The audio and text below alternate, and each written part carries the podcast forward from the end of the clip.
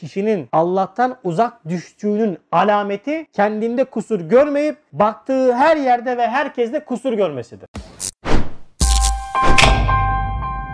Evet konumuz kusur görme. Geçen haftaki konunun ikinci kısmıydı. Olmayanlar için tekrar edelim. Geçen hafta kusurunu gör ama kusur görme demiştik. Kusurunu görme kısmı biraz uzun olduğundan dolayı kusur görme kısmına geçememiştik. Bu hafta da geçen hafta dersin devamı. Geçen haftaki ders biraz nefse ağır geliyordu ama uygularsak inşallah çok büyük bir faydası olacaktı bize. Bu ders de aynı şekilde. Önemli bir konu. Şimdi kişinin kendini kusursuz ve mükemmel görmesi nispetinde etrafında ve karşısında daha çok kusur görüyor. Bu zamanın bu asrın belki de kronik hastalıktan bir tanesi. Yani sürekli kendine kusursuzluk vehmine kapılan bir kişi hem başkalarında hem de kainatta her daim gördüğü tek şey kusur ve hata oluyor. Birçok hadis-i şerifte Efendimiz sallallahu aleyhi ve sellem de bize sürekli kendi kusurlarımızla meşgul olma tavsiyesinde bulunmuş. Tane hadis-i şerif söyleyeyim bununla ilgili. Allah diyor bir kimseye hayır murat ederse, bunun değişik rivayetleri de var. Onu kendi kusurlarıyla meşgul eder. Şimdi madalyonun tersini çevirdiğimiz zaman da eğer başkalarının kusurlarıyla meşgul oluyorsak Cenab-ı Hak demek ki bizim hakkımızda hayır murat etmiyor. Eğer kendi kusurlarımızla uğraşıyorsak ve başkalarının da kusurlarını araştırmıyorsak, onları görmezden geliyorsak demek ki Cenab-ı Hak bizim hakkımızda hayır murat etmiştir elhamdülillah. Yine Kur'an-ı Kerim'de Hucurat suresinde birbirinizin kusurunu araştırmayın diyor Cenab-ı Hak. Bu da bir ilahi emir. Şimdi kusur görme hastalığı insana kendi şahsına ait olan zararı var. Toplum hayatına olan zararı var. Aile hayatına olan zararı var. Hatta hatta daha da ilerisinde dini yaşantısına temas eden de zararı var. Ama biz öncelikle birkaç noktayı ele alacağız. Geçen haftaki okuduğumuz yerin yani 13. lemanın devamı bu okuyacağımız yer. Ve 3. noktada diyor ki insanın hayatı içtimaiyesini ifsat eden bir desise-i şeytaniye insanın toplum hayatını, içtimai hayatını ifsat eden yani bozan, dağıtan bir desiseyi şeytaniye şudur ki bir müminin bir tek seyyesiyle bütün hasenatını örter. Ne yapıyormuş kişi? Şeytanın desisesiyle bir müminin bir tek seyyiatıyla onun bütün hasenatını, onun bütün iyiliklerini ne yapıyor? Örtüyor maalesef çoğumuzun yakalanmış olduğu bir hastalık. Şimdi şöyle bir hadis-i şerif daha var. Efendimiz sallallahu aleyhi ve sellem buyuruyor ki bakın sizden biriniz kardeşinin gözündeki çöpü görür de kendi gözündeki merteği Mertek bu inşaatlarda, yapılarda kullanılan kalın 5-10 mu derler? 5-10 mu derler? Ne derler? Ha, ağaç. Şimdi kardeşinin gözündeki çöpü görüyorsun ama kendi nefsinde var olan kusur hatta öyle bir kusur ki bu böyle 5-10 kalaslar gibi koca kütükleri ne yapar? Unutur görmez. Şimdi karşı taraftaki bir kusur yüzünden karşı tarafın bütün hayır hasenatını örtmek. Özellikle ikili mübaşiretlere çok dikkat edin. Çoğu zaman darıldığımız, gücendiğimiz veyahut da konuşmadığımız insanlarda hep bu muameleyi yapıyor. Kişinin bir ayıbıyla, bir günahıyla onu mahkum ediyor. Doğru mu? Benim yaşadığım sıkıntı, nefsimde gördüğüm sıkıntı bu. Mesela ikili mübaşirette bir şey yapmışız, bir iş yapmışız veyahut da bu hanımın da olur. Bu dershane içinde kardeşin de olur. Bir kusuru yüzünden onu ne yapıyorsun? Mahkum ediyorsun. Bu bir şeytani desiseyim. Şeytan bu desiseyi veriyor. Devamında nasıl oluyor peki? Bir müminin bir tek seyyesiyle bütün hasenatını örter. Şeytanın bu desisesini dinleyen insafsızlar. İnsaf ne demek? Acımak. Başka?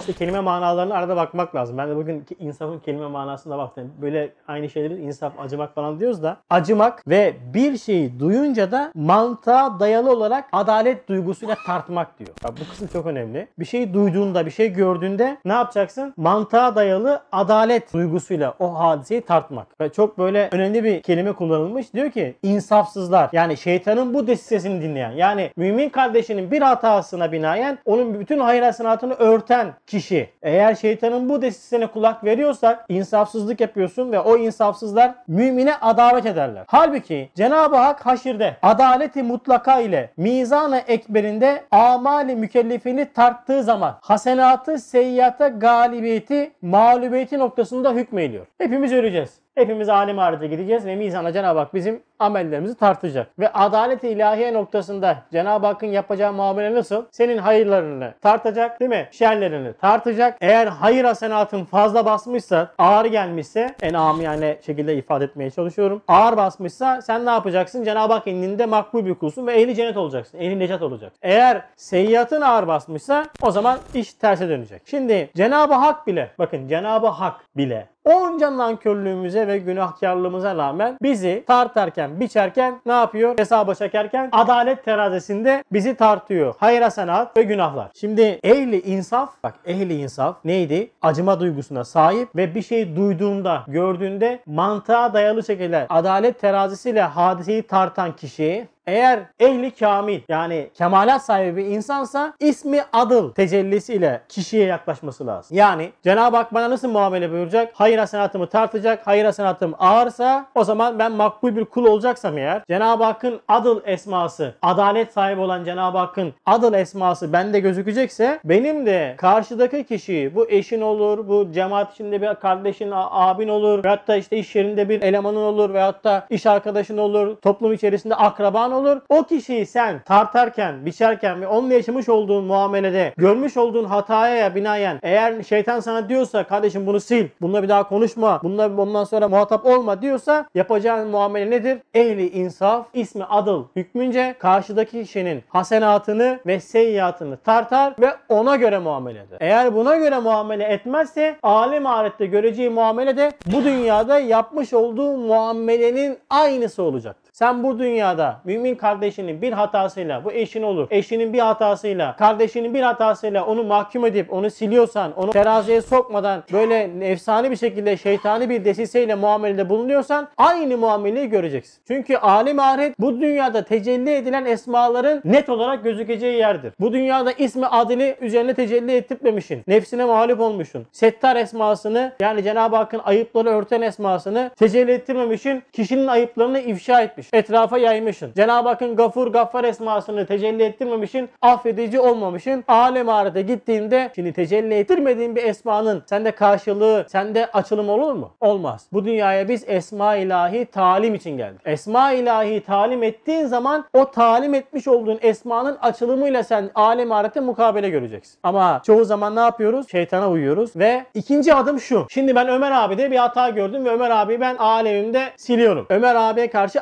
adalet beslemeye başladım fakat Ömer abi bir hata yaptı bana. Devreye ne giriyor biliyor musunuz? Cerbeze. Duydunuz mu hiç cerbeze ne demek? Cerbeze. Lisanur okuyanlar bilirler. Hakkı batıl, batılı hak gösterme hadisesi. Kuvve-i akliyenin ifrat mertebesi. Yani akıl artık vahiy semavi ve sünneti dinlemeyerekten işi karıştırıyor. Peki konumuzla ne alakası var? Ömer abiye ben bir hatasından dolayı adavet beslemeye başladığında benim vicdanım diyor ki bunu yapmaman lazım. Ben bu sefer ne yapıyor şeytan? Diyor ki bak bu zamanda bunu yapmıştı. İşte 2015'te bunu yapmıştı. 2016'da bunu yapmıştı. Bir kere de böyle bir şey demişti. Şöyle yapmıştı falan hop birleştiriyor. Şimdi bakın karşı tarafın bir kusurunu görüp onu yargılayan kişi nefsine olan muhabbetten ve haklı çıkma sevdasından bak haklı çıkma sevdasından dolayı karşıdaki kişinin bir hatasının üzerine geçmişte yapmış olduğu o kişinin bütün hatalarını birleştirmeye başlar. Bunda da cerbezedir. Üstad Münazırat'ta bak bunu çok güzel bir örnekle ifade ediyor. Diyor ki cerbezenin şe'ni, cerbezenin şe'ni gereksinimi nedir? Bir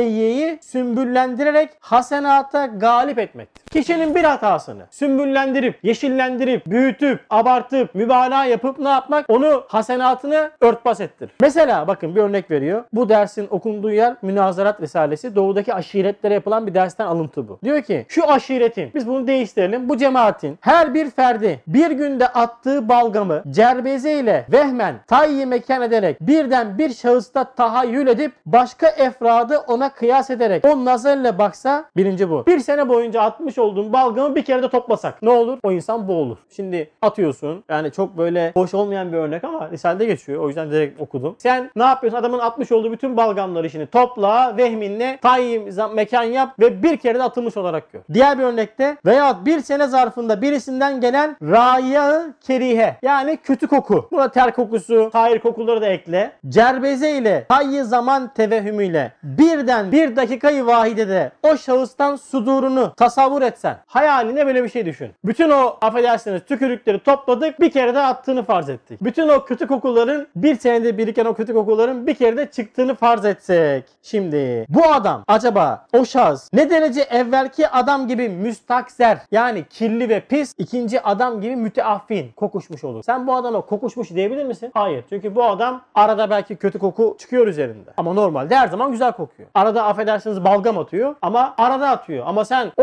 adamın yapmış olduğu o fiili bir kere de yapmış gibi kabul ettiğin anda o kişiyi çıkarmış olduğu kokuda çıkarmış olduğu balgamda boğarsın. İşte buna da cerbezedir. Şimdi insan kendi kusurunu unuttuğu zaman, kendinde kusur görmediği zaman karşı tarafı suçlamaya başladığında yaptığı şey şeytanın desisesiyle budur işte. İkili mübaşirette karı koca arası, gelin kaynana arası, işte baba oğul arası, işte cemaat içinde abi kardeş arasında yapılan en büyük hata şu. Olaydaki haklılığını ortaya çıkartmak için ve hatta nefsini haklı görmek için karşı tarafın bütün kusurlarını toplayıp cem edip önüne koyuyor.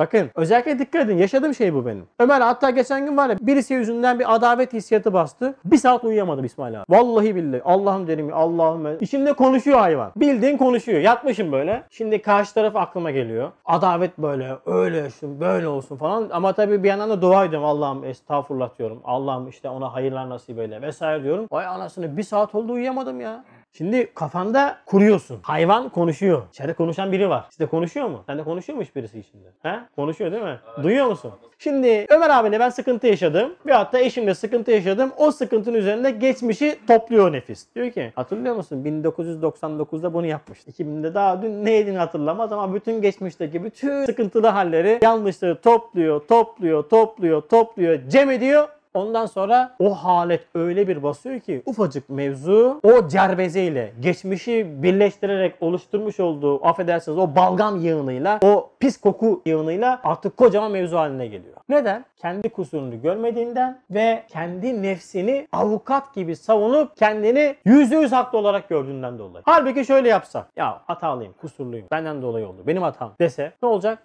Mesele bitecek. Çok kolay ama çok zor. Çok kolay ama çok zor. Şimdi oraya da geleceğiz. Şimdi bunun sebebi ne peki? Nefsi emmareyi, nefsimizi, onun uzantısı olan kendi vehmimizde oluşturduğumuz gurur, kibir, değil mi? İzzet. Bunlara o kadar değer veriyoruz ki. Hani geçen ders hatırlarsanız o vermiş olduğumuz değer nispetinde Allah birileri tarafından bizi yontuyor. Birileri tarafından bizi yontuyor. Olay bu yani. İşi bizden kaynak. O yüzden ne yapacağız? Şimdi olayı değerlendiriyorsun. Şimdi adamın bir kusuru var ama Ömer abi bana kusur yaptı. Hanım bana kusur yaptı. Abim kardeşim bana kusur yaptı. Ne yapacağım? Hemen bak mantık devreye girecek. İslami bir şuurun varsa hemen alternatif üretmesi lazım. Seyyatın esbabı çok ve vücutları kolay olduğundan bazen bir tek hasene ile çok seyyatını örter. Demek bu dünyada o adaleti ilahiye noktasında muamele etmek gerekti. Bakın seyyat kolaydı. Nefsi emmare taşıyoruz değil mi? Karşı taraf da nefsi emmare taşıyor. Şeytan var. Karşı tarafta da şeytan var. Bir sürü esbab var. His var. Heves var. Bunların hepsinin tasallutuyla ortaya bir yanlış çıktı. Bir seyyat için bütün hasenatı örtme. Hem aynı zamanda o olayı şimdi bölümlere ayır. Mesela evinde hanımla problem yaşadın. Kardeşinle dershanede problem yaşadın. iş yerinde sıkıntı yaşadın vesaire vesaire. Şimdi bunu adalet mekanizmasında tartman için önce o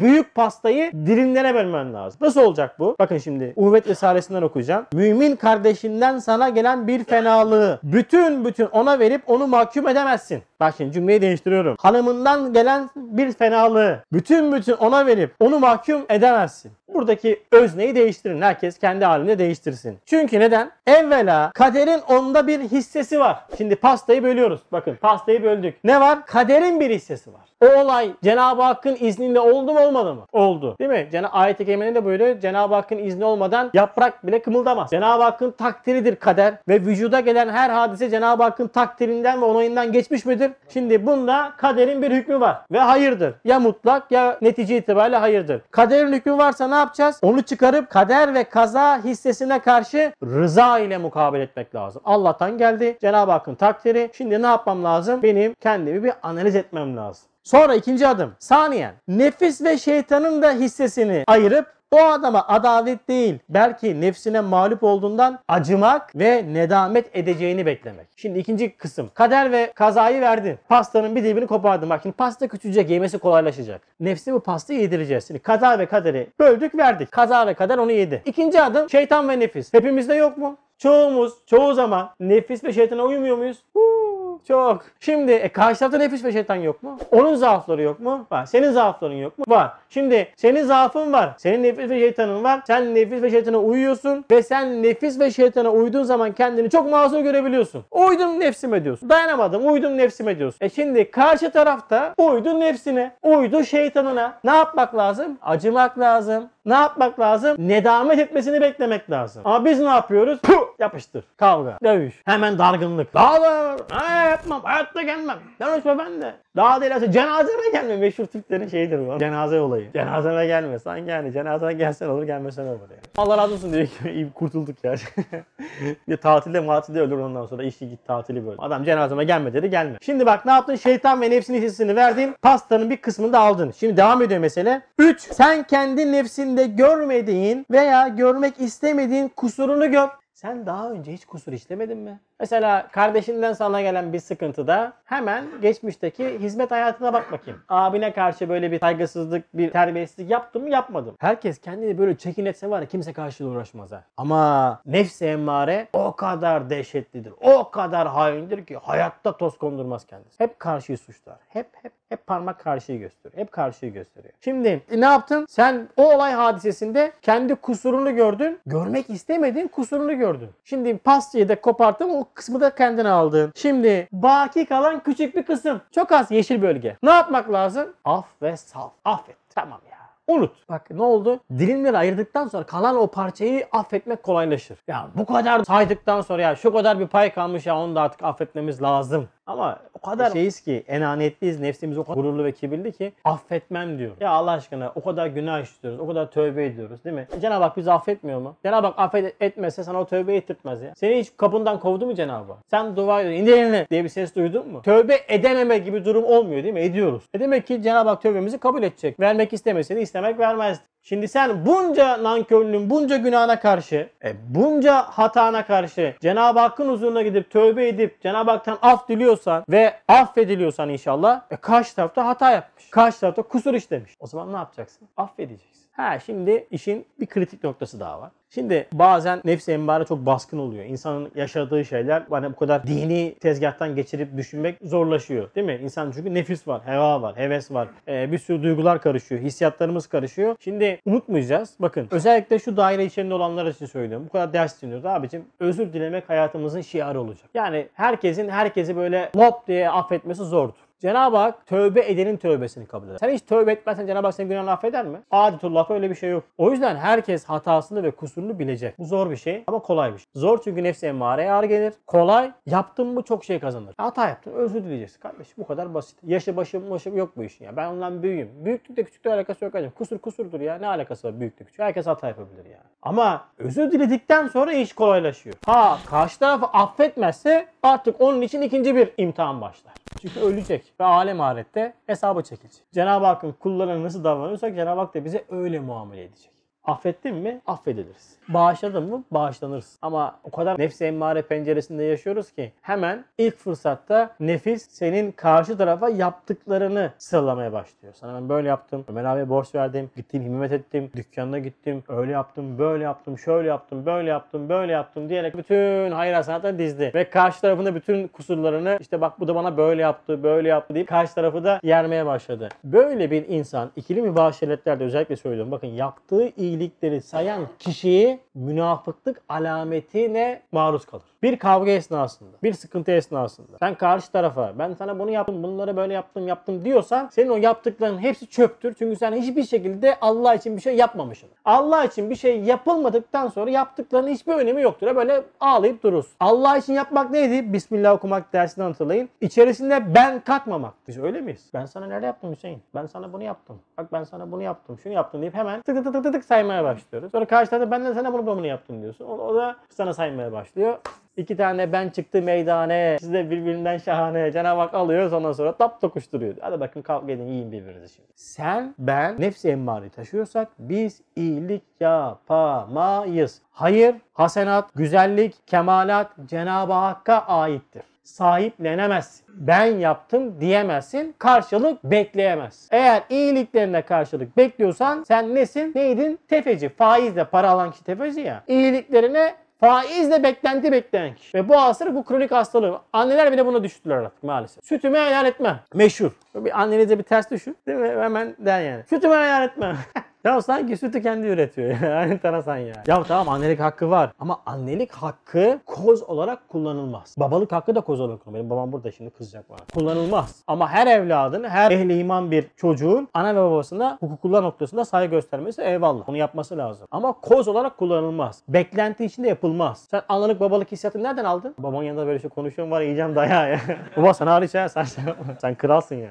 Öyle ya nereden aldın? Anneler şefkati nereden aldı? Pirinç yediler de mi geldi? Allah'tan e, sana ait olan bir şey mi? Yok fıtri. Ama ve lakin anne ve baba beklemeyecek ama evlat bunun en iyi şekilde karşılıkta bulunmak zorundadır. Bu bir fıtri bir insaniyetin gereksinimi. Ama eğer işte ben sana bunu yaptım bak sen bana bunu yaptın da girince o ortada işte ne saygı kalıyor, ne muhabbet kalıyor, ne bir şey kalıyor artık iş şeye dönüyor yani. Hadi bakayım ben sana bakıyorum sen de bana büyüyünce bakarsın tamam mı? Bak unutma bak bakıyorum büyüyünce. Ya sen bırak büyüyünce bakarlar. Sana da bakarlar. Bakmışsan bakarlar. Yapmışsan yaparlar. Ne yapıyorsak dönecek ya. Bu kadar basit. Yani zorlanmayın. Yani böyle karşılık beklemenize gerek yok. Aynaya geçin. Nasıl bir hayat yaşıyorum? İnsanlara nasıl davranıyorum? Anne babana nasıl davranıyorsan anne baban da çocuklarından öyle muamele görürsün. Kırıyorsan kırdığın yerde kırılacaksın. Çok basit bu. Yani şey çıkarmayacaklar böyle tapkadan tavşan çıkartmayacaklar yani. Men dakika dukkadır. El ceza min cinsin amel. 21. mektup. Ceza amel cinsinden. Ne yapmışsan onu bulacaksın. Yani bunu hayatınızın teferruatına bakın. İkili mübaşeretlerde eğer gereksiz yere insanları kırıyorsanız gereksiz yere kırılacaksın. Anne babanıza haksızlık ve saygısızlık yapıyorsunuz. Size de aynı şekilde haksızlık ve saygısızlık yapılacak. Allah bırakmıyor yani. Nereden geldi bu? Bu melenge attın. 15 yıl sonra döndü seni buldu yani. E Kardeşim atma işte sana diyoruz bak yapman gereken şey ne? Ona atma. Hata bende, kusur bende, benim hatam benim kusurum de bitiriş. Estağfurullah. Tövbe de bitiriş. Ama nefsi emare kabul etmiyor işte. Evet. Şimdi ne yapacağız? Eğer bir adamın iyilikleri fenalıklarına kemiyeten veya keyfiyeten ziyade gelse o adam muhabbete ve hürmete müstehaktır. Karşı tarafı arkadaşlar değerlendirirken bakın bu tekrar tekrar ediyorum. Bu evde hanımın olur, kardeşin olur, iş yerinde elemanın olur, ikili mübaşirette arkadaşın olur vesaire vesaire. Karşı tarafı değerlendirirken hayır hasenatına bakacaksın. Bakın bu psikolojik bir yöntemdir. Buna ne diyorlar biliyor musun? Her şeyde iyiyi görmek. Yani bu aslında psikolojik bir yöntem değil. Bu İslami bir dini bir yöntemdir. Bardağın dolu tarafına bakmak. Nedir abi? Ha, pozitif bakış açısı diyor tamam mı? Güzel gören güzel düşünür. Güzel düşünen hayatından lezzet alır. Bu da Kur'an'ı bir bakış açısı işte. Bardağın dolu tarafına bakmayı bilmek lazım. Kişinin dolu tarafına bakmayı bilmek lazım. Ama sürekli menfi ve eksik yanlarına baktığımız için veyahut da eksikleri gördüğümüz için sıkıntı yaşıyoruz. Hadi bir örnek daha kendimden vereyim. Geçen babam da şahit oldu. Yemekteyiz böyle. Hanım bir şey yapmış. Gittim ve dangozdun, kalastın zirvesini yaptım yani. Bir kusur yaptım böyle kusuru gördüm. Hiç saçma sapan yani. Ya orada olsanız ya, tükürürsün. Yuh Allah o kadar da anlatıyorsun dersin. Harbiden diyorum. Yani. Sonra vicdanı bir azap başladı. Yanlış yaptık. Şimdi şeydi ki arkadaş olsa özür dile hanım yani. Yani nefis hepten zorlanıyor lan. Karıdan mı özür dileyeceğiz falan. İstersen dileme yani. Şimdi ne oldu? Şimdi sofra var misal veriyorum. Çorba gelmiş. Yemek gelmiş. Salata niye yok? Salata yok ya. Bir akşam yemeğimiz var salata yok işte. Ya bırak oğlum salata da olmasın da. Muhammed hocam. Yemeği bulsak hep başına koyacaksın.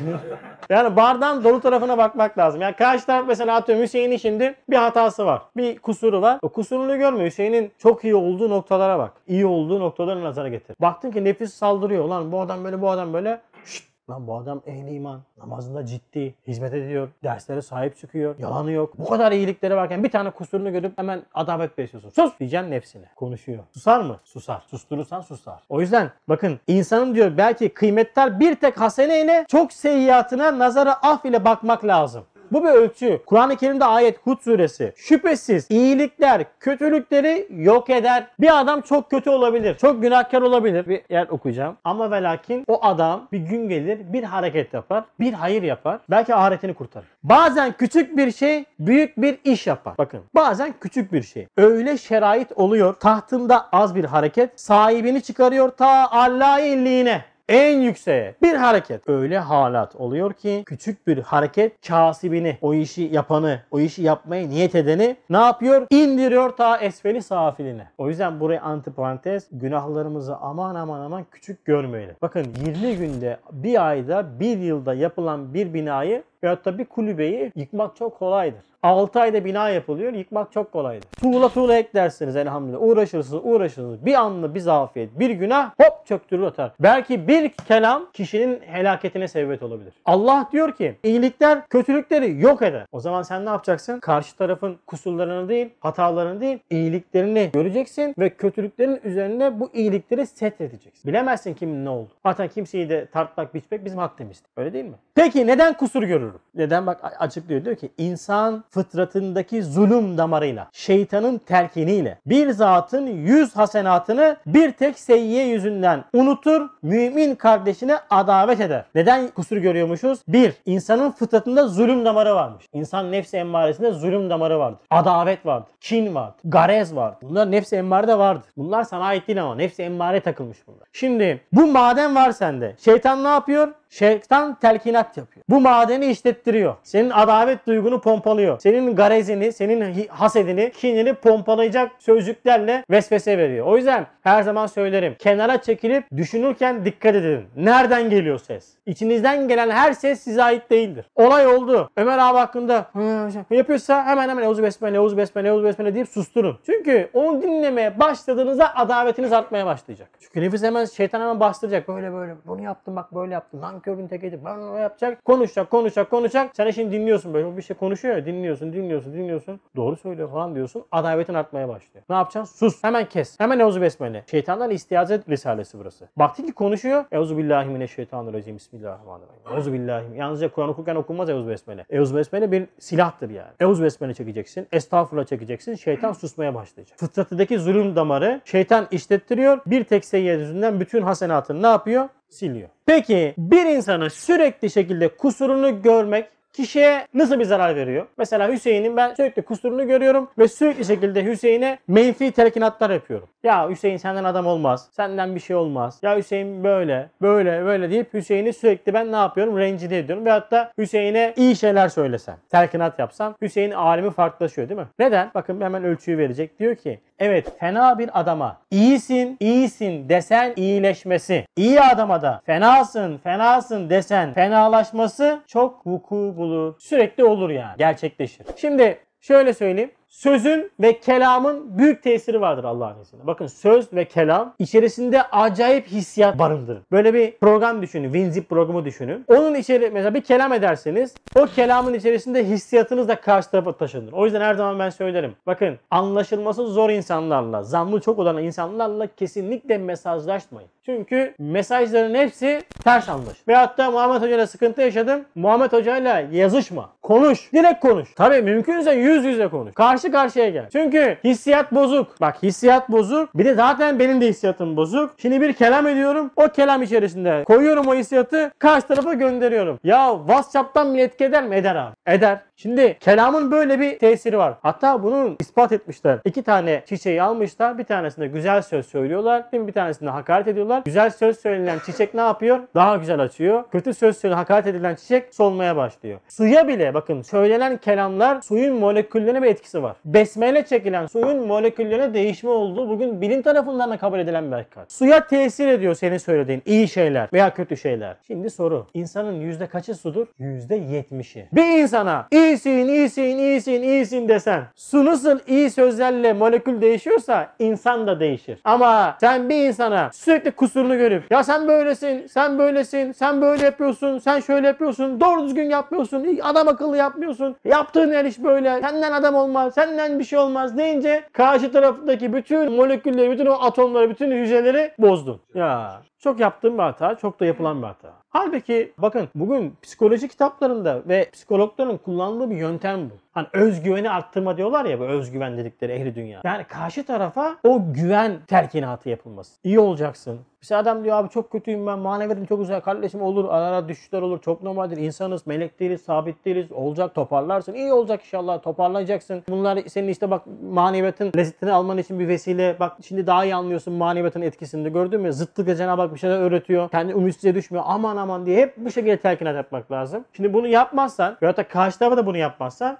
sürekli sen kötü kötü kötü kötü hep kötü gör hep kötü gör hep hata gör hep hata gör. Sonra hep de iyice bozuldu bu ya. E bozulacak tabii kardeş. Yani bu kadar eleştiri bu kadar hakaretten sonra ne bekliyorsun sen ya? Evliya mı olmasını bekliyorsun? Ama aynı hakareti yapman gereken nefsi emmareye karşı sessiz. Aman. O yüzden kişinin Allah'tan uzak düştüğünün alameti kendinde kusur görmeyip baktığı her yerde ve herkeste kusur görmesidir. 1. 2. Kusur görmeyi adet edinen kişinin ağzı eleştiriye, gıybete, dedikoduya açılır. Ağzı dedikoduya, gıybete açılan kişinin de ağzı zikre, duaya kapanır. 3. Herkesin kusurlarıyla uğraşıp nefsini pürü pak gören kişi bu dünyada cehennem azabını hisseder, yaşar. Son, insanı kamilin kusur göreceği tek yer nefsidir. O yüzden Hz. Mevlana ne buyurmuş? Kusur görmek istersen bütün aynalar senin. İnsanda bu kusur görme hastalığı var ya, kusur görmek istiyor musun? Tamam. Geç aynanın karşısına. işte bütün hain orada. Kusurlu, hatalı, günahkar orada. Başka yerde arama. Ama ve lakin insan nefsi kendi kusurunu görmediği gibi başkalarının kusuruyla da meşgul olmayı çok seviyor. Allah bu iki hastalıktan bizi kurtarsın inşallah. Kendi kusurlarımızla yüzleşmeyi nasip etsin. Kendi kusurlarımızı görüp istiğfar kapısına yönelmeyi hepimize nasip etsin. El Fatiha salavat.